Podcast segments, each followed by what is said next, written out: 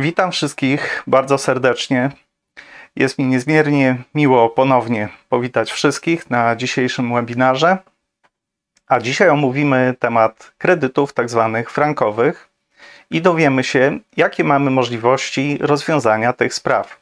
Zostańcie do końca, bo na końcu będzie niespodzianka. Jest już y, z nami Anna Jamroziak-Bereza, adwokat z pasją do prawa, komplementariusz kancelarii adwokackiej, mediator przy Sądzie Okręgowym we Wrocławiu, doktorantka Apsley Business School w Londynie. Jej kancelaria jest od czterech lat laureatem Orłów Prawa. Obecnie współpracuje z nią ponad 30 radców prawnych i adwokatów. W tym roku zdobyła nagrodę lidera najwyższej jakości usług prawniczych oraz statuetkę Businesswoman 2022 obsługuje mm. przedsiębiorców, jak i osoby prywatne i co jest moim zdaniem najważniejsze, przede wszystkim jest praktykiem. Witam Ciebie, Aniu. Dzień dobry Wojtku, dzień dobry Wam. Bardzo się cieszę, że będę mogła dzisiaj omówić e, kredyty frankowe. Myślę, że e, zarówno kredyty frankowe, jak i złotówkowe to jest jeden z e, naglących obecnie problemów, więc cieszę się, że będę mogła Państwu pomóc choć trochę przybliżyć ten termin. Wspaniale bo od wielu lat słyszymy i widzimy, jak kredyty frankowe stały się przedmiotem wielu dyskusji, powstało wiele mitów, niektóre fakty wyszły na jaw. W trakcie lat, zrobiło się e, niemałe zamieszanie na e, rynku polskim, zresztą dosyć e, istotne. Spotkaliśmy się po to, aby wyprostować te wszystkie mity i skupić się na faktach bieżących, więc może od razu przejdziemy do pytań, bo mam kilkanaście pytań do Ciebie, Aniu. Mam nadzieję, że dogłębnie ten temat, e, że tak powiem, przeczeszemy. W e, takim zakresie, jaki mamy czasowy, tak? Żeby to podkreślić. Zgadza się, zgadza się, jak najbardziej. Jak dużo jest wygranych procesów, bo słyszymy, widzimy w internecie, że frankowicze wygrywają i tak dalej, i tak dalej. Jak to wygląda od strony praktycznej? To znaczy, na pewno każda kancelaria może powiedzieć o tym, jak to w tej konkretnej kancelarii wygląda. Natomiast e, jak Państwo mnie pytacie o konkretny bank, bo myślę, że to jest kluczowe. E, tak, to można sobie przeanalizować na stronach każdego sądu okręgowego. Jest baza orzecznictwa. E, zobaczyć sobie, jak wygląda ostatnie orzecznictwo dotyczące kredytów frankowych. I ja z perspektywy mojej kancelarii nie mam wątpliwości, że na pewno większość e, w tej chwili kredytów, e, jeżeli chodzi o procesy w zakresie kredytów frankowych, jest wygrywana. Myślę, że naprawdę jest jakaś ułamkowa część, która jest przegrywana. Powiem szczerze, ostatnio już bardzo dawno nie widziałam w ogóle takiego wyroku w jakimkolwiek sądzie, żeby on był przegranym. Myślę, że to już była kwestia albo złego doboru kredytu, albo złych argumentów, bo mamy tak dużo już w tej chwili argumentów prawnych za tym, żeby unieważniać czy postanowienia konkretne, czy też e, kredyty, że naprawdę jest bardzo korzystne w tej chwili orzecznictwo e, w zakresie kredytów frankowych. Dobrze, a z jakiego tytułu mogę odzyskać pieniądze? Z bardzo wielu. I to wszystko zależy od tego, e, co mamy zapisane w umowie e, frankowej, tak zwanej. Tak, ale oczywiście zaczynamy od tego, że bierzemy umowę i sprawdzamy, czy jest ta podstawowa e, klauzula, która była na samym początku, w pierwszych czterech klauzulach zazwyczaj się pojawiająca, że frank jest przeliczany zgodnie z tabelą kursów danego banku. Oczywistym jest, i to jest naprawdę już jedno z podstawowych postanowień, które wiemy na pewno, że jest postanowieniem nieważnym. I dlaczego jest nieważne? Bo to jest dość istotne. Dlatego, że bank sam ustalał tą tabelę kursów. A zatem oczywiście banki się bronią, że one to ustalały w oparciu o mierniki wolnorynkowe, że y, po tej też e, wartości, którą wskazują, e, sprzedawały i kupowały, tak, bo oczywiście one są inne, ale generalnie, że dla całego banku i wszystkich przedsięwzięć transakcji w tymże banku właśnie taka tabela kursów była. Natomiast te argumenty już nie udaje się, aby e, były argumentami skutecznymi w sądzie i w związku z tym myślę, że już na dzisiaj możemy powiedzieć, że oczywistym jest, że jeżeli bank sam mógł kreować e, umowę kredytową w ten sposób, że sam praktycznie ustanawiał, ile dany kredytobiorca ma zapłacić, bo jeżeli to on ustalał, jaka jest wysokość tej tabeli kursów, no to oczywistym jest, że sam decydował o tym, ile ktoś mu będzie spłacał. E, to takie postanowienie uznajemy za nieważne. I teraz co ważne, Jest, e, to postanowienie było w tych umowach, które były zawierane w latach 2006-2007 na gminie. Natomiast potem już w niewielu bankach, ale zostały przemycone niejako w innych postanowieniach, które też wskazują na ten sam skutek. Zatem każde postanowienie, które może się pojawić w umowie, a które będzie prowadziło do takiego skutku, że bank jest w stanie samodzielnie, czyli jednostronnie zmienić wysokość raty kredytu, jest postanowieniem, które jest nieważne. Bo nie może być tak, że na początku strony się umawiają co do tego, jaka będzie wartość kredytu, ile kredytobiorca zapłaci, z jakim oprocentowaniem, a w trakcie trwania tej umowy bank sam może swoimi działaniami doprowadzać do zmiany wartości zarówno e, samego kredytu, jak i poszczególnej jego raty. I na tym tle mamy naprawdę już w tej chwili bardzo bogate orzecznictwo, że takie działania, które powodują, że bank może dokonywać czegokolwiek jednostronnie, bez zgody kredyt, e, kredytobiorcy, są postanowieniami nieważnymi. I myślę, że to jest pierwsza rzecz, którą należy przeanalizować w swoich umowach. Druga to są wszystkie te zapisy, które powodują, że kredytobiorca był zobowiązany do tego, żeby zakupić bądź też zdecydować się na innego rodzaju usługi bankowe, bądź też je kontynuować przez czas trwania kredytu. E, tego rodzaju postanowienia, że koniecznym jest założenie rachunku bankowego i co za tym idzie, opłacanie tego rachunku bankowego, wykupienie ubezpieczenia, czy też wykupienie jakiegokolwiek innego produktu bankowego, są postanowieniami, które zmuszały kredytobiorcę do wzięcia innych usług bankowych, finansowych, których on nie chciał i nie zamierzał wziąć, nigdy by nie wziął, gdyby wiedział, że nie musi. A wszyscy wiemy, że jak się przychodziło do banku, to jednym z podstawowych warunków było, że w tym banku trzeba mieć kredyt. Jeszcze bardzo dużo banków wymagało, aby e, pensja, która jest wypłacana w formie wynagrodzenia za pracę, była przelewana bezpośrednio na to konto bankowe przez jakiś okres i dopiero wtedy była możliwość, żeby zaciągnąć taki kredyt. Więc jeżeli w Państwa umowach są takie postanowienia, to na pewno także je można przeanalizować, ponieważ e, tych klauzul abuzywnych jest naprawdę e, mnóstwo. Tak, w tej chwili około 300. E, to na pewno jest co analizować konkretnie w umowach, ale to, na co ja bym zwróciła uwagę, to przede wszystkim na to, czy są w Państwa umowach takie postanowienia, które wskazują na przewagę banku w jakimkolwiek zakresie. Czyli e, czy jest tak, że jakąkolwiek czynność może dokonać bank samodzielnie, a Państwo jako kredytobiorcy nie możecie tego zrobić. Jeżeli e, taka umowa buduje taką przewagę bankowi, który i tak ma przewagę ze względu na to, e, jakim jest podmiotem, to większość z takich postanowień jest już w rejestrze tych klauzul niedozwolonych. Ponieważ powinno być tak, że ten stosunek jest równy i nie może być tak, że bank sam sobie zapisywał, narzucając to poprzez wzorce umowne kredytobiorcom. Więc na pewno powinni Państwo przeanalizować umowę pod tym kątem, czy jest napisane, że bank może i tutaj trzy kropeczki, natomiast nie ma nic o tym, aby kredytobiorca też miał takie uprawnienie. Bo powinno być tak, że jest to robione jednak ekwiwalentnie. Czyli jeżeli bankowi przysługuje uprawnienie do czegoś, to kredytobiorcy także takie uprawnienie w umowie powinno przysługiwać. I oczywiście to będą bardzo różne zapisy. Też kwestia jest tego, czy będzie się opłacało je unieważniać, bo nie wszystkie zapisy będą przekładały się na wynik finansowy, a większość z Państwa oczywiście chciałoby zmniejszyć ratę kredytu albo unieważnić cały kredyt, więc też trzeba brać to pod uwagę. Natomiast naprawdę tych postanowień, które dzisiaj uznajemy za nieważne, jest tak dużo, że myślę, że warto swoją umowę pod tym kątem przeanalizować. No właśnie, już wspomniałeś o klauzulach abuzywnych, czyli o takich treściach y, w umowie, gdzie te treści nie powinny się po prostu tam y, znaleźć. Czy możemy zajrzeć za y, kulisy rozpraw sądowych i zapytać Ciebie, czy możesz wymienić trzy najważniejsze takie klauzule, nieważne klauzule abuzywne, na które powołujesz się w sądach? Ja wiem, czy trzy najważniejsze, na pewno tych klauzul jest bardzo dużo. E, ja za każdym razem, kiedy w kancelarii analizujemy taką umowę, po prostu e, najpierw czytam umowę, a potem ponownie sięgam do rejestru klauzul niedozwolonych. Pomimo, że robię to naprawdę tysiące razy, to tych klauzul, które przebywają wciąż, jest mnóstwo.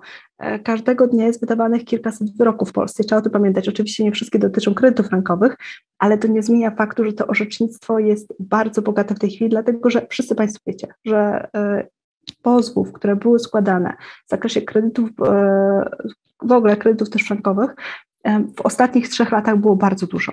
I w tej chwili e, bardzo dużo, część z nich kończy się po prostu wyrokami. W związku z tym tych postanowień, które sąd uznaje za nieważne, też jest już naprawdę olbrzymia ilość. E, I oczywiście z tych postanowień, które przed chwilką wymieniłam, to są te, które najczęściej są e, w umowach praktycznie większości, tak. Po prostu te, które budują przewagę bankowi. I to są te klauzule, jak również te, które odwołują się do mierników albo wskazują, w jaki sposób bank może sam e, jednostronnie kreować e, wysokość raty kredytowej. I to te postanowienia są tymi kluczowymi, które najczęściej występują w tego rodzaju sprawach. Wspomniałaś również y, y, o tym, że y, finałem niektórych rozpraw jest unieważnienie umowy. Jakie są konsekwencje, żeby można sobie było to wyobrazić, jak taka umowa po rozprawie jest po prostu unieważniona? E, no, konsekwencja jest e, taka, że strony powinny sobie wzajemnie zwrócić to, co sobie świadczyły.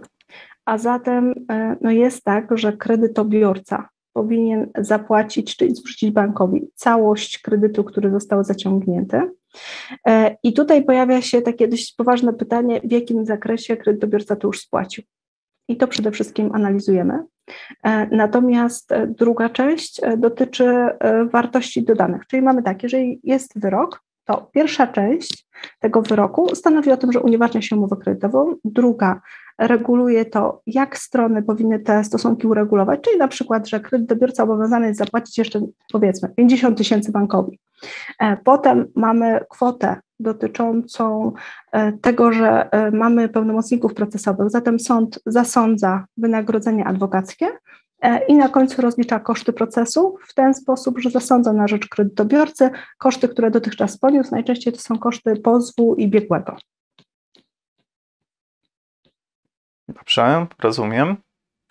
A powiedz mi, y, Aniu, jak, y, czy warto podpisać ugodę z bankiem? Dlatego, że y, niejednokrotnie banki od razu, jak dostają taki pozew, potrafią odesłać ugodę. I czy warto skorzystać z takiej ugody z bankiem? Mhm. Znaczy, bardzo często jest e, tak, że klienci w ogóle do mnie przychodzą wtedy, kiedy dostają taką propozycję od banku jeszcze przed wytoczeniem jakiegokolwiek powództwa sądowego. I to oczywiście zależy od tego, jaki to jest bank, ale co do zasady, no te ugody, które były proponowane przez banki, były bardzo niekorzystne. One najczęściej mówiły o tym, że przeliczamy franki po kursie, który jest obecnie na złotówki. E, I oczywistym jest, że w większości wypadków, bo oczywiście nie można nigdy powiedzieć, że na pewno wszystko, tak, bo nie widzę w ogóle umowy kredytowej, więc e, to z takim dużym zastrzeżeniem, że najpierw trzeba ją przeanalizować, ale co do zasady, jeżeli były te postanowienia, to zazwyczaj dla klientów dużo bardziej opłacalnym było skierowanie sprawy na drogę postępowania sądowego, żeby nie powiedzieć, że w 100%. Przynajmniej tych klientów, którzy do mojej kancelarii się zgłosili, to u nikogo nie było zasadnym podpisanie ugody. Natomiast e, jest też tak, że jak ja mm, potem wzywam bank do zapłaty, bo przed wytoczeniem powództwa wzywam do zapłaty, to bank też odpowiada. I w zależności od banku też te odpowiedzi są bardzo różne. I tutaj już czasami jest taka sytuacja, że kredytobiorcy decydują się na to, żeby podpisać ugodę, bo to jest negocjowalne. I to często wygląda tak, że bank przysyła mi jakąś propozycję, ja odsyłam jakąś propozycję od kredytobiorcy e, i w zależności od tego, jaki jest kredyt, jest możliwość rozmowy na tym tle. Natomiast e, to, co z praktyki udało mi się rzeczywiście, wydaje mi się już korzystnym dla kredytobiorcy, to są ugody, które są proponowane już na etapie postępowania sądowego. Czyli już przeszliśmy ten etap wstępny, wezwałam do zapłaty, bank odpowiedział, że roszczenie uznaje za niezasadne, e, albo zaproponował taką e, formę ugody, która no nie była przystępna dla, e, znaczy po prostu nie była korzystna dla kredytobiorcy, więc wytaczamy powództwo i po skierowaniu pozwu do sądu, kiedy bank otrzymuje pozew, dostajemy ugody i te ugody są już dużo bardziej korzystne. I tutaj no często jest tak, że klienci mnie pytają o to, e, czy teraz już jest zasadnym podpisanie tej ugody. I oczywiście, każdy z nas ma inną sytuację. Są takie przypadki, kiedy ktoś potrzebuje tych środków finansowych na dzisiaj, to jest dla niego bardzo ważne. patrząc na to, jak wygląda sytuacja zmieniania się wartości pieniądza, na pewno trzeba to też uwzględnić. I teraz, w zależności od sytuacji, są już takie, w których jest zasadnym zdecydowanie się na tę ugodę, ale to wciąż jest mniejszość. Zazwyczaj jednak dużo bardziej korzystnym dla kredytobiorców jest e, no, po prostu kontynuowanie postępowania i potem wyrok, który jest na końcu.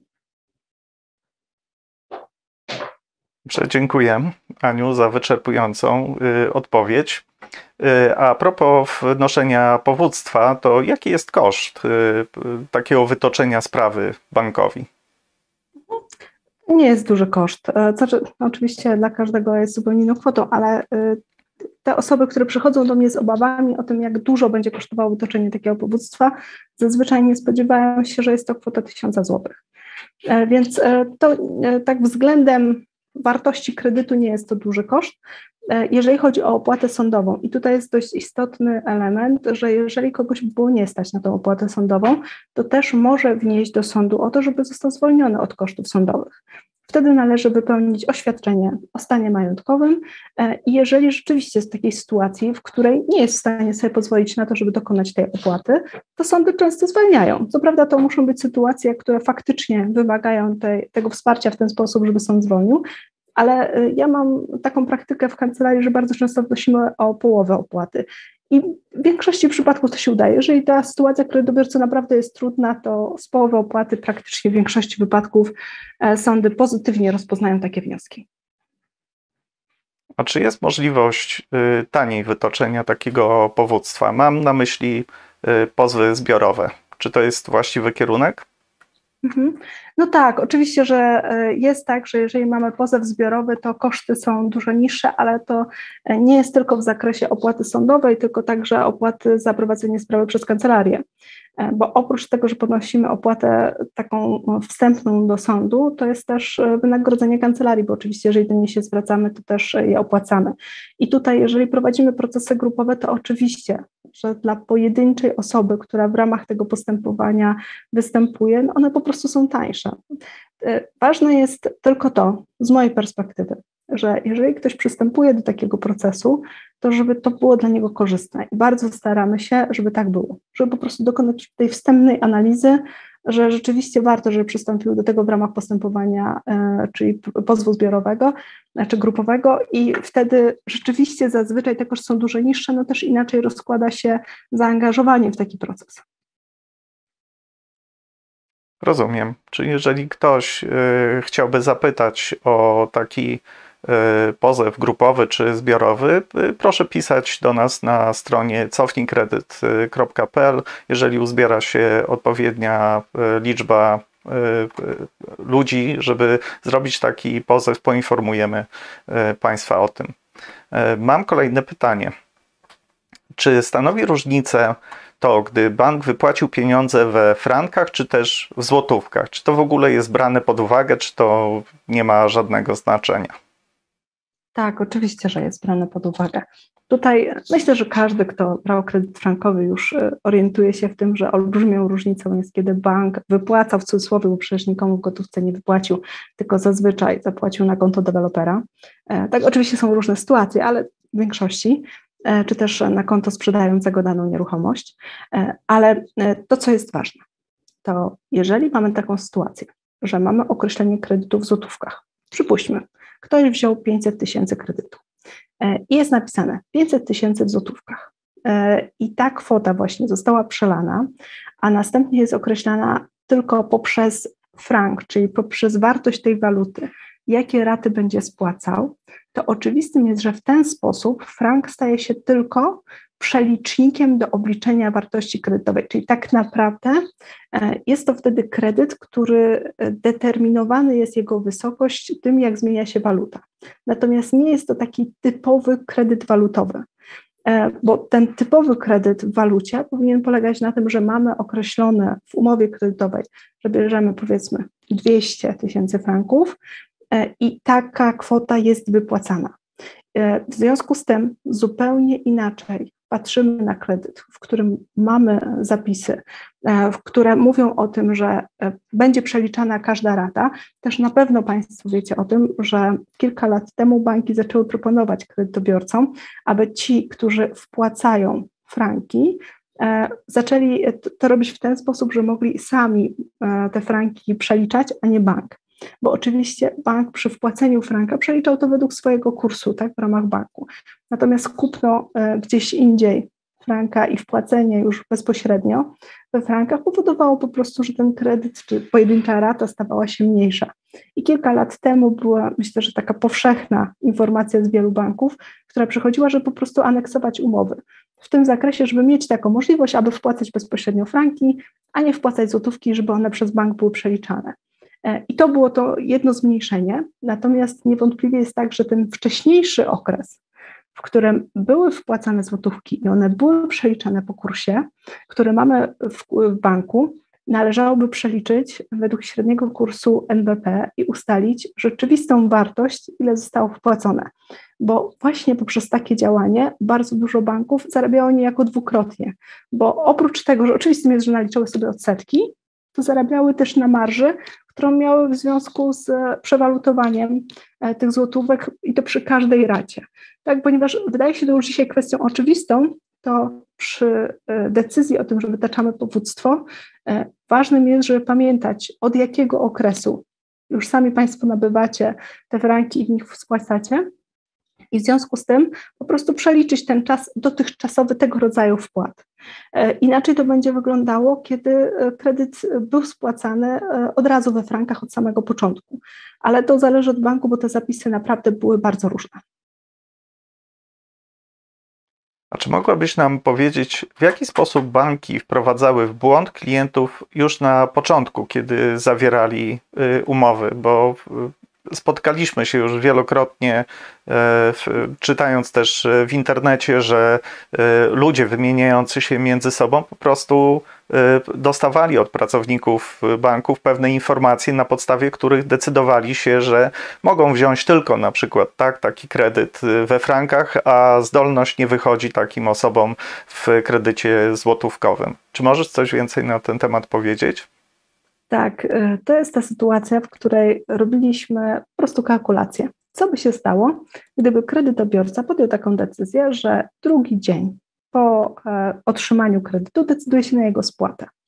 Wówczas okazało się, że przelicznik banku co do tego, jaką ma wartość w ogóle ten kredyt, już był nieopłacalny dla klienta tak bardzo, że bank zarabiał tylko na samym obliczeniu, ile tak naprawdę ma tego kapitału samego, nie odsetek. A zatem umowy były w ten sposób skonstruowane, żeby kredytobiorca tracił już na samej wypłacie. E, bank w ten sposób przeliczał sobie, oczywiście to nie jest e, takie proste, że mogę słowa, przydały nam się tablice, że muszę Państwu rozrysować, ale e, jest tak, że jak spojrzycie Państwo bardzo często na umowę i chcielibyście podjąć taką decyzję, że decydujecie się na spłatę, to od razu widzicie Państwo, jaki występował mechanizm przeliczenia tego kredytu w ten sposób, żeby zacząć naliczać w ogóle te raty, czyli w jaki sposób one zostały uregulowane, bo na pewno każdy z Was dostał harmonogram spłat e, i wystarczy zerknąć na niego, jak on został skonstruowany od samego początku. Więc e, takie umowy, w których bank sobie od razu naliczał jakąś prowizję, która była tak naprawdę prowizją ukrytą, bo i tak przecież pobrał na początku prowizję za wzięcie kredytu, na pewno i tak ustanowił odsetki, a nadto jeszcze ukrył tą kwotę związaną z samym przeliczeniem początkowym. Więc na to też na pewno e, warto zwrócić uwagę, kiedy analizujemy taką umowę kredytową, e, pod kątem e, tego oczywiście, ile moglibyśmy się domagać i jakiej wartości miałoby być roszczenie, o które wnosimy od banku. Dobrze, to, to już trochę nam rozjaśnia, że mamy dosyć sporo argumentów, jeżeli chodzi o prowadzenie takiej e, sprawy przeciwko e, bankowi. Natomiast chciałbym z Tobą poruszyć jeszcze dosyć istotną kwestię, ponieważ teraz można też poczytać sporo artykułów w internecie, w których słychać, że banki wytaczają powództwa przeciwko swoim klientom, tak, po zakończonym rozprawie, a nieraz w trakcie rozprawy. Więc jeżeli dostanę taki pozew y, z banku, to czy powinienem jakieś działania podjąć w tej sprawie? Myślę, że każdy bierze, oczywiście, że tak. E, natomiast e, tego, jakie działania? Oczywiście, jeżeli otrzymujemy pozew, zazwyczaj w nim jest określone, że mamy dwa tygodnie, 14 dni na sporządzenie odpowiedzi. I to jest ten termin, w którym koniecznie trzeba pójść do kancelarii. E, naprawdę, proszę Państwa, no to są tego rodzaju umowy, że konieczna jest pomoc prawnika, żeby móc sporządzić odpowiedź, szczególnie, że myślę, że wszyscy Państwo, którzy mieliście styczność z takimi pozwami, wiecie, jakiego rodzaju to są pisma. Tak, większość z banków ma olbrzymie działy prawne, które przygotowują szablony tych pozwów. To są gigantyczne dokumenty. Na e, mój pozew zazwyczaj odpowiedź jest co najmniej 100-stronnicowa banku, więc jak się dostanie taki pozew, który ma 100 do 200 stron, e, to domyślam się, że każdy kredytobiorca jest po prostu przerażony. E, a my wiemy, że to jest po prostu szablon, bo tam w większości jest wrzucone orzecznictwo i 60 stron w ogóle nie warto czytać. Natomiast jest tak, że oczywiście banki w tej chwili czują, w jakiej sytuacji się znalazły, bo naprawdę większość wyroków jest korzystnych dla kredytobiorców. To są olbrzymie e, kwoty, jeżeli chodzi o skalę banku. Tak? No, na tym po prostu banki zarabiały. Były takie okresy, w których głównie e, funkcjonowały w oparciu o kredyty frankowe. E, w związku z tym dzisiaj musząc te umowy za, zakończyć często tylko na Liborze, czyli bardzo niekorzystny sposób dla siebie, no po prostu pozostają na stratach, jak wskazują w postępowaniach sądowych, że to w ogóle nie opłacało im się prowadzenie takich postępowań. Więc niewątpliwie od tego mają olbrzymie działy prawne, żeby myślały, co zrobić, aby uratować tę sytuację. W cudzysłowie uratować, no po prostu pod kątem biznesowym, aby bankowi nadal się wszystko opłacało. I myślę, że tym narzędziem, które najlepiej działa, jest właśnie zastraszenie. Kiedy widzimy, że sądy tak korzystnie orzekają dla frankowiczów, to banki w ramach złego PR-u po prostu robią wszystko, co się da, żeby powiedzieć człowiekowi, e, żeby nie próbował, bo potem oni będą się od niego czegoś domagać. I te konstrukcje prawne, które banki proponują e, w sądach, naprawdę dzisiaj są takie, że mam nadzieję, że nigdy nie znają uznania w wyroku sądowym w ten sposób, że sądy nie będą ich zasądzały. Bo one oczywiście odwołują się, są różnego rodzaju, ale odwołują się do tego, że kredytobiorca mógł korzystać E, z kredytu, czyli z tych środków finansowych, które mu przekazał bank. E, natomiast, proszę Państwa, ostatnio zapadł jednoznaczny wyrok Trybunału Sprawiedliwości, który mówił, że banki powinny ponieść konsekwencje swojego działania w postaci sprowadzania we wzorcach umów e, zapisów, które są nieważne. Jeżeli tak, to powoływanie się potem w postępowaniu sądowym na to, że to było nieracjonalne gospodarczo, żeby zawierać takie umowy, jest tylko i wyłącznie po stronie banku. To oni podejmowali w ramach swoich zarządów decyzję o tym, żeby ktoś sporządził takie wzorce. Więc mam nadzieję, że to nigdy się nie uda. E, oczywiście to zawsze zależy od postępowania sądowego. W Polsce y, nie mamy systemu common law, tylko mamy przepisy. W związku z tym e, jest tak, że jeżeli bank wytacza powództwo, to od naszej aktywności będzie zależało to, czy je wygrywamy, czy przegrywamy, bo proces jest kontradyktoryjny. Ja wiem, że to jest trudne słowo, ale to jest bardzo istotne. Czyli proces sądowy jest takim procesem, w którym jedna strona przedstawia swoje dowody i twierdzenia, i druga strona przedstawia swoje twierdzenia i dowody.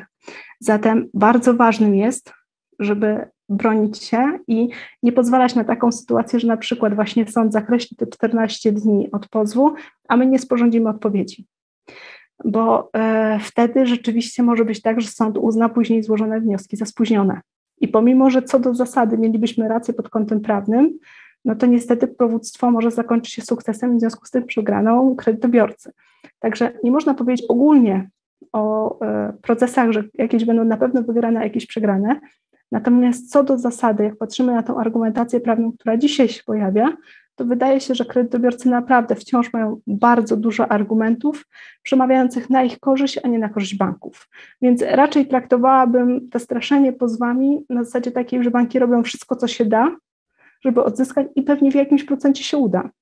Bo e, jest tak, że dysponują e, czy adresami, które są już nieaktualne. Oczywiście w tej chwili zmienił się postępowanie sądowe o tyle, że jeżeli to nie zostanie doręczone, tak to jest obowiązek doręczenia poprzez komornika, ale to nie zmienia faktu, że sytuacja, w której doręcza się członkowi rodziny, on odbiera do nas korespondencję, za późno nam daje i w związku z tym uchybiamy temu terminowi, zdarza się. Oczywiście to nie jest e, koniec świata, bo zawsze, jeżeli było to spowodowane jakąś przyczyną, można wnosić o przywrócenie terminu, można zrobić bardzo dużo czynności procesowych, ale trzeba pamiętać, że musimy być w tym postępowaniu aktywnymi uczestnikami. I wtedy myślę, że y, możemy czuć się w miarę bezpiecznie, tak? bo oczywiście mówię teraz to abstrakcyjnie, nie widząc powództwa, które konstruuje bank, e, a na pewno one będą bardzo różne. Natomiast te argumenty, które na dzisiaj są e, przedstawiane przez banki, nie wydają się takimi, które powinny powodować obawę po stronie kredytobiorców. Tutaj należy podkreślić to, co y, powiedziałaś, żeby reagować na tego typu pisma, ale przede wszystkim korzystać z profesjonalnej obsługi, udać się do jakiejś kancelarii, y, może znajomego, nawet prawnika, żeby po prostu nie zostawiać y, tego, tej odpowiedzi tak, na ten i tego procesu całego, po mhm. prostu samopas, jeśli można tak powiedzieć. Czy, Wojtku, banki... ja bym powiedziała, że nie do znajomego prawnika. Naprawdę, proszę Państwa, to są kredyty, kredyty w ogóle, tak jeżeli chodzi o procesy z bankami, to są szablony. E, każdy, kto się tym zajmuje zawodowo, wie, że te pozwy są z konkretnego banku zazwyczaj bardzo podobne, odpowiedzi też i my jesteśmy w stanie to przewidzieć, jeżeli to robimy wielokrotnie. Natomiast jeżeli się Państwo udajecie do kancelarii, to naprawdę zwróćcie uwagę, czy ta kancelaria zajmuje się kredytami e, bo to jest różnica, czy ten prawnik zajmuje się prawem rodzinnym, czy on zajmuje się prawem cywilnym, czy prawem karnym, e, bo no po prostu każdy z nas ma jakąś swoją specjalizację. E, I jeżeli chcemy mieć tą fachową pomoc, to warto się zwrócić do tych osób, które się tym po prostu zajmują zawodowo i na co dzień. E, ja wiem, że w każdym zawodzie tak jest, że zawód lekarza, myślę, że Państwu też się tak kojarzy, że do dentysty nie bardzo pójdziemy ze złamaniem ręki i dobrze by było, żeby tak samo nie było w przypadku prawnika. E, tak od tego mamy specjalizację, e, żeby się udawać do osób, które po prostu to robią na co dzień. To jest naprawdę bardzo ważne, żeby we właściwe argumenty dobrać, bo muszą Państwo wiedzieć, że jeżeli mam pozew, to ja już w nim przewiduję, jaka będzie odpowiedź danego banku, bo to wiem po prostu, to tak często do nas pływa w takich ilościach, że jesteśmy w stanie to przewidzieć. E, I mamy też przygotowane na to odpowiedzi, na te argumenty, które pojawiają się. Natomiast jeżeli ktoś by miał tylko pierwszy raz taki pozew, to naprawdę jest trudnym, że w ciągu 14 dni być w stanie odpowiedzieć profesjonalnie, bo trzeba zebrać argumenty na wszystko, co tam jest. A tak jak powiedziałam, to naprawdę są pozwy, które mają ponad 100 stron zazwyczaj. W związku z tym no, każdemu prawnikowi tak, takiemu, który nie jest przygotowany, będzie ciężko to zrobić w tak krótkim terminie, bo 14 dni to naprawdę nie jest długi termin, a ja wiem, że klienci najczęściej jeszcze przychodzą w ostatnim dniu, maksymalnie dając dwa dni, więc tutaj przestrzegałabym przed czymś takim, bo to naprawdę jest e, bardzo trudne wyzwanie, żeby nie będąc przygotowanym do tego zrobić to tak od ręki. Dziękuję Aniu za wyjaśnienie, y, bo to bardzo ważna y, rzecz, żeby udawać się do specjalisty, ale właśnie w tej dziedzinie, czyli tak jak y, ja przynajmniej miałem na, to na myśli, a mówiąc o znajomym prawniku, bardzo dobrze właśnie podkreśliłaś to, że może się okazać, że ten znajomy nie zajmuje się po prostu tymi tematami i niekoniecznie może naszą sprawę poprowadzić do wygranej. E, patrząc jeszcze na, e, na to, że banki, ja też mam takie wrażenie, e, przestraszyły się, może chciałem wrócić do, tak, do wyroku Trybunału Sprawiedliwości, ale to może za, za chwilkę, bo to są kolejne argumenty dla kredytobiorców. Ale jeżeli banki teraz zaczną wysyłać takie pozwy e, do e, sądów, czy będzie to miało jakąś konsekwencje na e, długość rozpraw albo innego rodzaju konsekwencje? Mogę powiedzieć tak, że od jakiegoś czasu, od roku praktycznie, kiedy już mamy tak wyklarowaną tą linię orzeczniczą, że naprawdę no, kredytobiorcy mogą czuć, że wygrywają te procesy, banki zaczęły robić dwie rzeczy. Po pierwsze, wytaczać tego rodzaju pozwy właśnie, żeby powstrzymać następne osoby przed wytaczaniem pozwów. Tak, czyli po prostu, żeby inni kredytobiorcy nie weszli w ślad już tych, którzy wytoczyli powództwa. E, po drugie zaś e, wnosić do sądu o zawieszenie postępowania na czas trwania i tutaj postępowania przed Trybunałem Sprawiedliwości. Tych wniosków złożonych przez banki o interpretację jest naprawdę bardzo dużo w tej chwili. Znaczy, to bez przesady też mówimy o Trybunale Sprawiedliwości, tak, ale e, na tyle dużo, że praktycznie ja we wszystkich procesach, które miałam, dostałam taki wniosek ze strony banku, żeby zawiesić postępowanie do czasu rozpoznania. Po prostu, żeby wydłużyć bankom ten czas, na to, że nie będą musiały płacić tych środków finansowych, albo też, że będą wciąż je otrzymywały.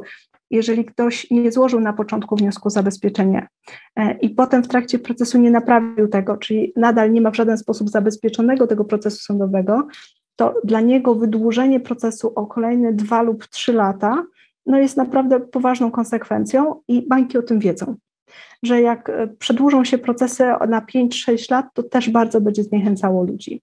E, natomiast na szczęście jest tak, że jeżeli wnosimy do sądu o to, żeby nie uwzględniał tego wniosku, to zazwyczaj jest to pozytywnie rozpoznawane.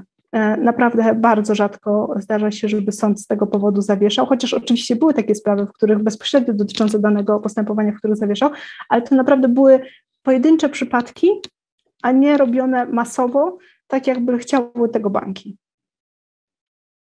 Aniu, wspomniałeś tutaj o zabezpieczeniu. Może y, byśmy naszym słuchaczom wyjaśnili, o co chodzi, jakie mogą być y, y, konsekwencje, ale dobroczynne dla kredytobiorcy mm. użycia właśnie takiego zabezpieczenia, co można zyskać i dlaczego wydłużanie procesu, jeżeli takie zabezpieczenie będzie zasądzone przez sąd, będzie pozytywnie oddziaływało na kredytobiorcę, w zasadzie już y, nawet teraz, od momentu rozpoczęcia sprawy.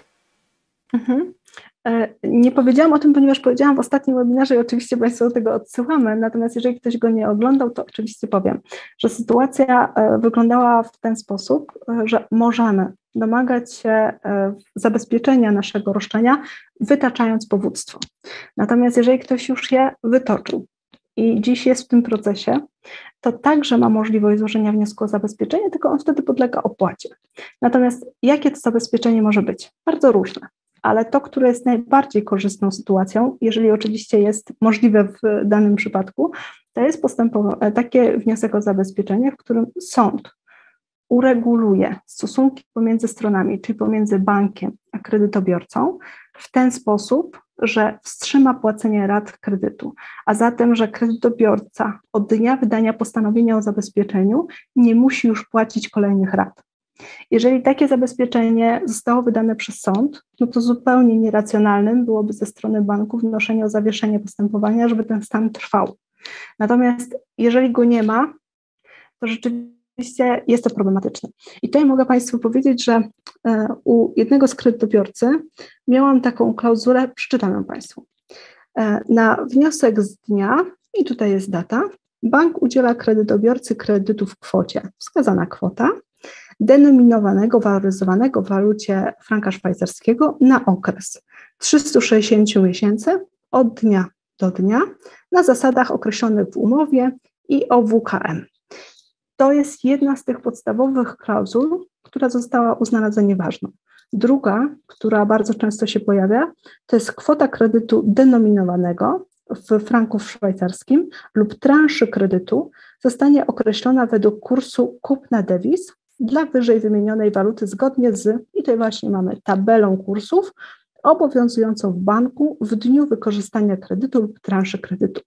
Przy tych dwóch postanowieniach, które naprawdę no, dla mnie są oczywiście nieważne, już tak oczywiście, że trudno prowadzić polemikę w tym zakresie, sąd właśnie wydał postanowienie o tym zabezpieczeniu, bo sytuacja u kredytobiorcy była taka, że rzeczywiście to, co już zapłacił bankowi, przewyższało wartość tego, co powinien zapłacić jako kredyt w całości, razem z naliczonymi e, odsetkami, tymi, które oczywiście my wyliczyliśmy jako e, prawidłowe oprocentowanie kredytu, natomiast nie to, które naliczył sobie bank.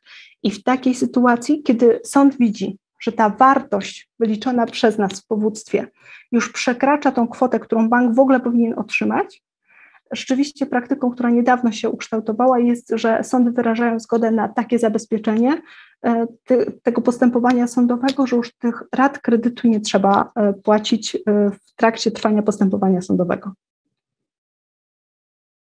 Świetnie, to są bardzo ważne informacje dla naszych słuchaczy chciałbym Ciebie, Aniu, zapytać jeszcze o ten wyrok Trybunału Sprawiedliwości z 8 września, czyli praktycznie mhm. świeżynka. Odsyłam naszych słuchaczy do posłuchania naszego wcześniejszego webinaru dotyczącego kredytów hipotecznych. Tam poruszamy ten temat szeroko. Natomiast jeżeli mogłabyś w takim skrócie powiedzieć, jakie kolejne argumenty dla ludzi, którzy wzięli kredyty frankowe, możemy mieć już po swojej stronie. Mhm. To znaczy, myślę, że jak Państwo obejrzycie ten webinar, to wszystko wyjaśnia, natomiast e, to, co jest najważniejsze i możemy wykorzystać naprawdę w bardzo wielu sytuacjach w tej chwili, to e, ten wyrok odnosił się do kredytu frankowego, tak zwanego oczywiście. E, I tutaj sąd jednoznacznie powiedział, że banki muszą ponosić odpowiedzialność za to, co robią, czyli za to, że używały we wzorcach umownych e, klauzul, które były klauzulami niedozwolonymi. I w związku z tym co z mojej perspektywy jest bardzo istotne, ta praktyka banków, w których one twierdzą, że to ekonomicznie czy gospodarczo im się nie opłaca w tej chwili, kiedy te kredyty są unieważniane, nie może mieć racji bytu, kiedy wiemy, że to bank decydował o tym, jak będzie wyglądała ta umowa. Żaden kredytobiorca nie miał wpływu na to, jaki wzorzec otrzyma. To jest oczywistym tak, tyle ile procesów sądowych miałam, za każdym razem sąd pyta, bo oczywiście ma taki obowiązek, zapytać o to, czy były indywidualnie negocjowane warunki umowy kredytu. I oczywiście nie. Nie ma mowy. Jedyne, co było negocjowane, to e, kwota wysokości odsetek czy też marży, ale to nie jest postanowienie z wzorca, który był używany przez bank.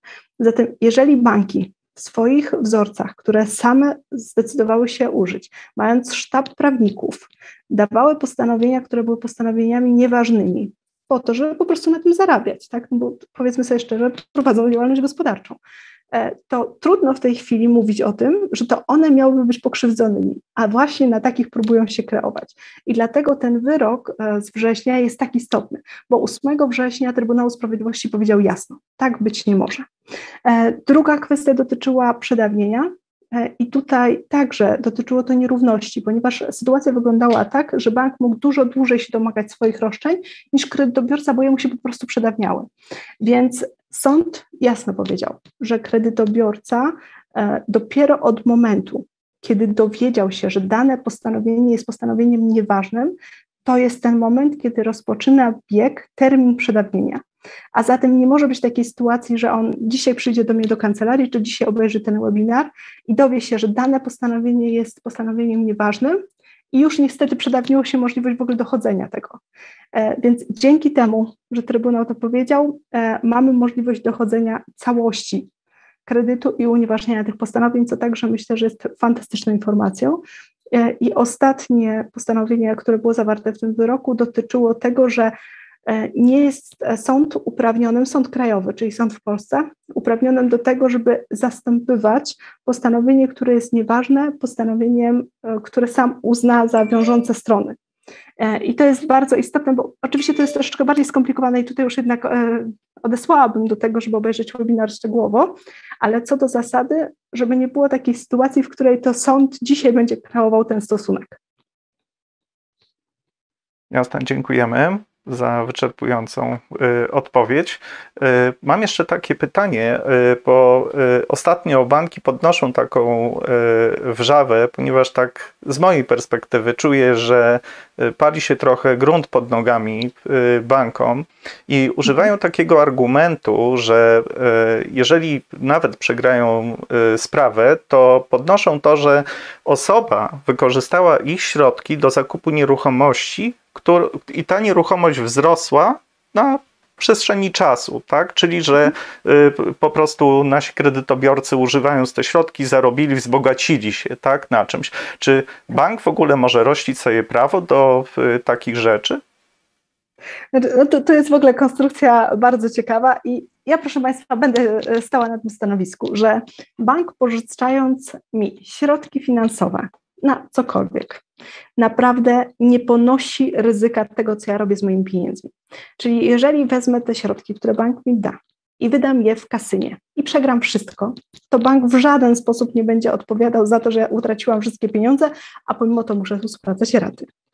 Więc e, trudno mi sobie wyobrazić taką sytuację, w której odwrotnie, czyli poszłam do tego kasyna, wygrałam dziesięciokrotność tej kwoty i w związku z tym teraz muszę się jakąś częścią podzielić z bankiem, tak, bo wygrałam i przecież z ich środków.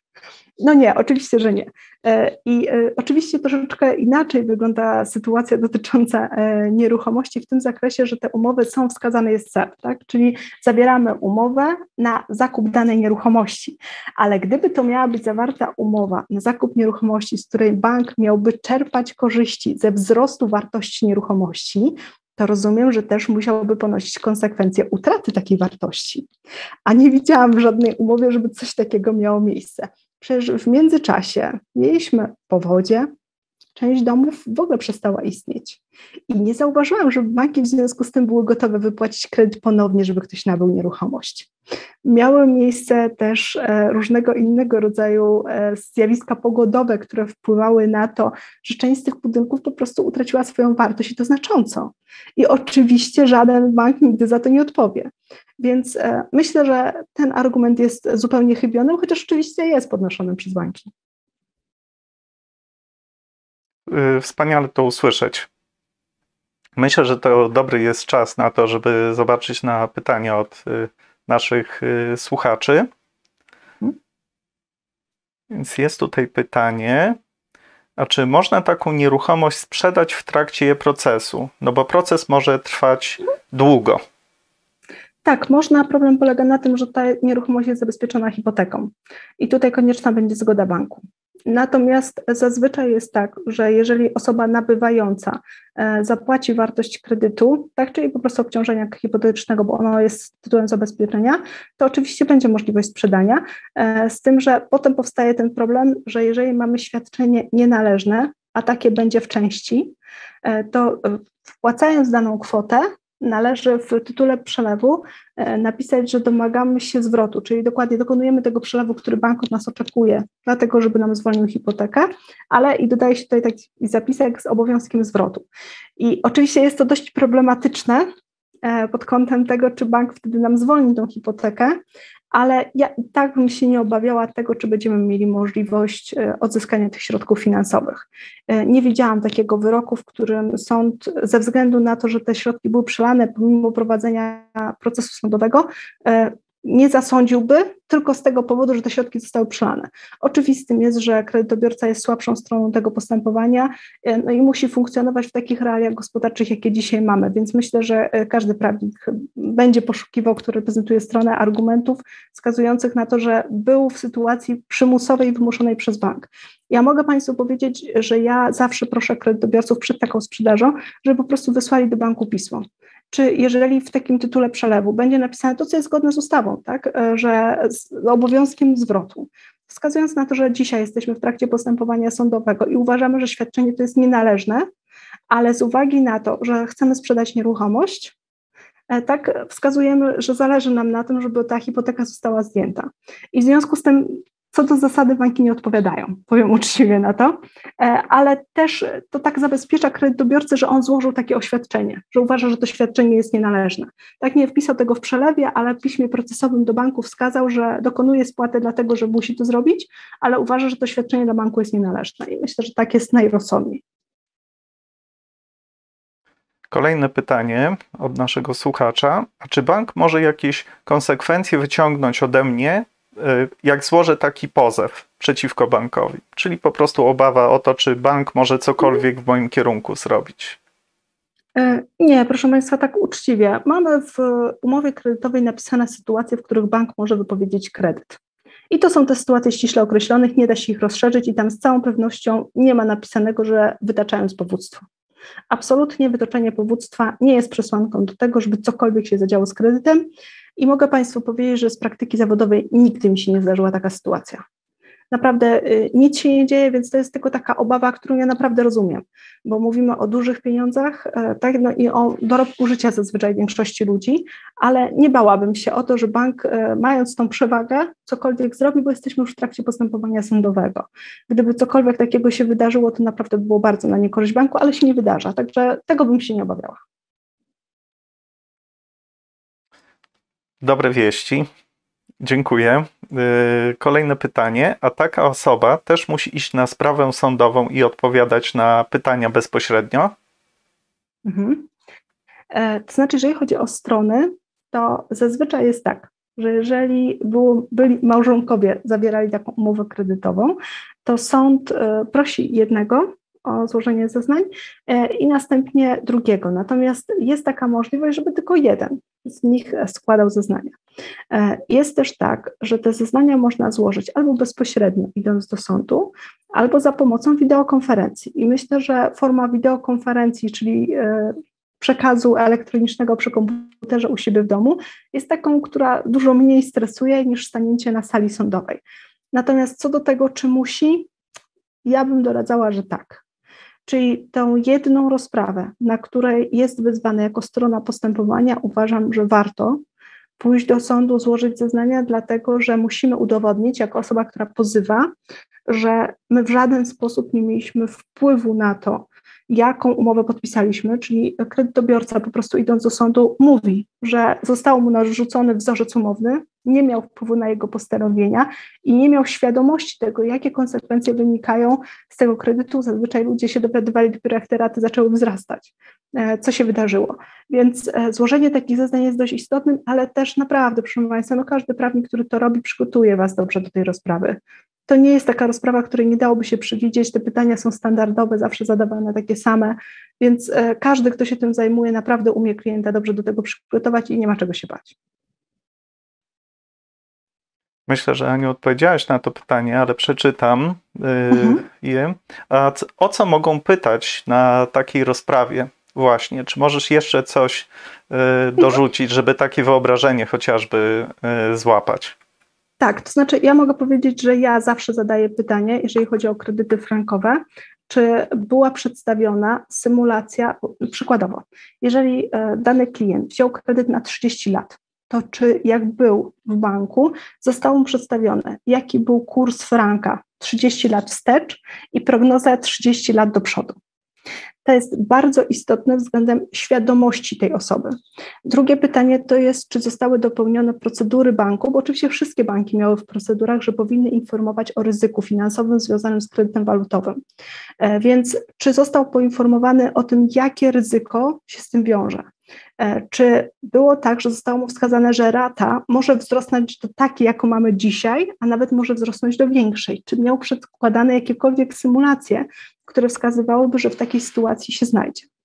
Czy e, właśnie te postanowienia były z nim indywidualnie negocjowane, czyli czy miał jakikolwiek wpływ na to, jaką umowę podpisał?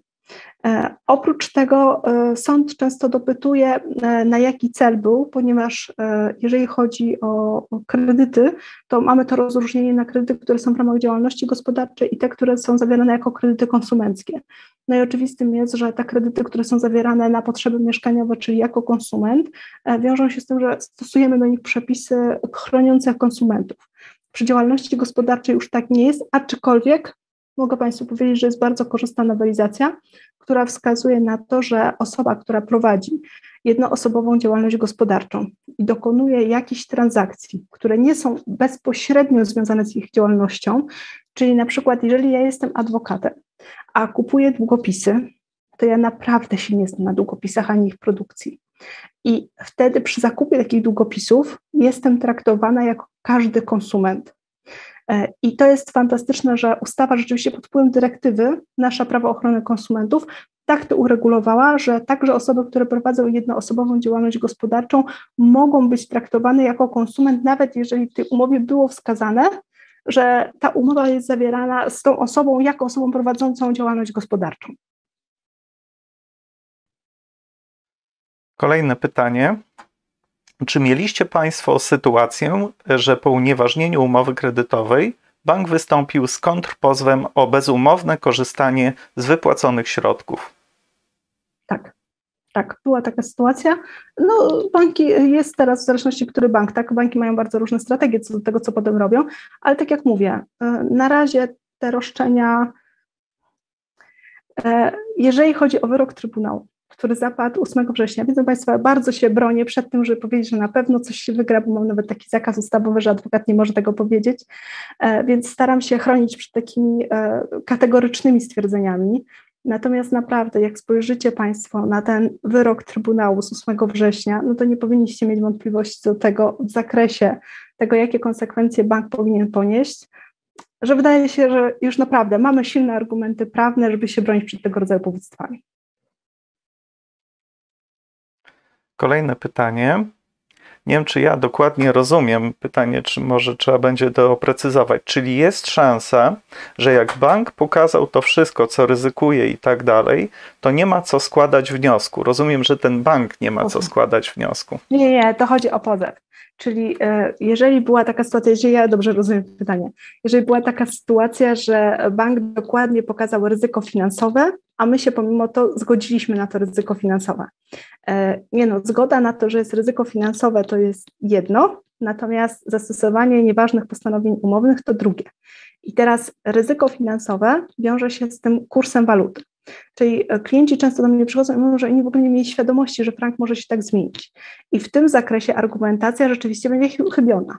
Bo jeżeli ktoś faktycznie miał świadomość, na przykład jest finansistą i po prostu miał pełną świadomość co do tego, jak to będzie wyglądało, to w zakresie samego kształtowania się waluty, no te argumenty nie powinny być podnoszone ale to nie zmienia faktu, że mamy bardzo dużo innych postanowień, które są nieważne, tak? bo zazwyczaj w tych umowach naprawdę, proszę Państwa, jest kilka postanowień. No nie zdarzyło mi się, żeby była jakaś umowa, w której było tylko jedno takie postanowienie, które jest nieważne. Więc po prostu trzeba przeanalizować umowy pod kątem tego, gdzie było to ryzyko kursowe, a które postanowienia dotyczyły zupełnie innych kwestii, bo naprawdę ich jest zazwyczaj dużo i nie wszystkie wiążą się z ryzykiem kursowym. To było ostatnie pytanie na czacie. Więc chciałbym wszystkim przypomnieć, że możecie skorzystać z bezpłatnej analizy wstępnej waszej sprawy kredytowej. Co należy zrobić? Wystarczy wejść na naszą stronę cofnijkredyt.pl, wypełnić formularz, kliknąć na wypełnij formularz y, i po prostu uzupełnić podstawowymi danymi osobowymi y, oraz dodać Y, umowę, skan umowy y, kredytowej, y, przepraszam, wraz z aneksami czy jakimiś innymi pismami, które były wysyłane. Na koniec może wspomnimy o niespodziance. Wspomnimy o niespodziance, Aniu, jaką mamy. Co to jest i jak może się przydać naszym kredytobiorcom? Tak jak w ostatnim webinarze, jeżeli ktoś z Państwa jeszcze od nas nie otrzymał, a miałby ochotę skorzystać z tego, e, jako niespodzianka jest e, wezwanie do zapłaty razem z instrukcją dokładną, jak je wypełnić, co powinno w nim się znajdować. Także taki wzór będziecie Państwo mogli pobrać, jeżeli zostawicie swojego maila na stronie. Dziękujemy. Ja Więc czas na, czas na podsumowanie. E, naszego dzisiejszego spotkania. Kolejny raz dowiedzieliśmy się, aby nie bać się działać w tematach kredytowych. Banki są firmami, które wykorzystywały swoją przewagę i teraz mamy właściwy czas. Tak, jest dla nas właściwy czas, żeby wykorzystać wszystkie te przewagi, które mamy, e, łącznie z ostatnim wyrokiem Trybunału e, Sprawiedliwości z 8 września i pamiętać o tym, że warto jest korzystać z profesjonalnych y, usług, ponieważ banki są przygotowane do tych y, procesów i y, należy się taką tarczą, jeśli mogę tak to określić, wspomóc. Nie, nie działać do końca na własną rękę. Także zapraszam wszystkich na następne webinar, który odbędzie się w przyszłym tygodniu, w środę o godzinie 20 o tej samej e, porze i tematem będą kredyty złotówkowe. Także serdecznie zapraszam wszystkich do uczestnictwa w e, tym webinarze. Link oraz zapisy na e, nasze webinary znajdziecie Państwo na stronie cofnijkredyt.pl. Mam nadzieję, że było to po raz kolej, Tak, jeszcze kolejny, tylko jedną tak? informację, jakbyśmy dodali dla Mhm. Państwa, że w tej chwili przygotowujemy pozwy zbiorowe dotyczące unieważnienia tych postanowień w kredytach złotówkowych, które dotyczyły wyboru. W związku z tym, jeżeli ktoś z Państwa rozważa taką opcję i się nad tym zastanawia, to na następnym e, webinarze dokładnie powiemy, jakie e, roszczenia będziemy kierowali do banków e, i warto się zastanowić nad tym, czy nie zrobić tego w ramach pozwu zbiorowego, oczywiście jeżeli ma się odpowiednią umowę, która no, po prostu będzie dla Państwa korzystnym wydaczeniu takiego powództwa, bo będziemy przygotowali takie pozwy. Także ja wszystkim serdecznie dziękuję za uczestnictwo. Dziękuję Tobie, Aniu i całej dziękuję ekipie e, technicznej za zainwestowany czas i mam nadzieję, że te informacje pomogą e, Wam wszystkim w rozwiązaniu pozytywnie e, spraw, które macie związane z kredytami. Życzę spokojnej nocy i do zobaczenia na kolejnym webinarze. Dziękuję, do zobaczenia.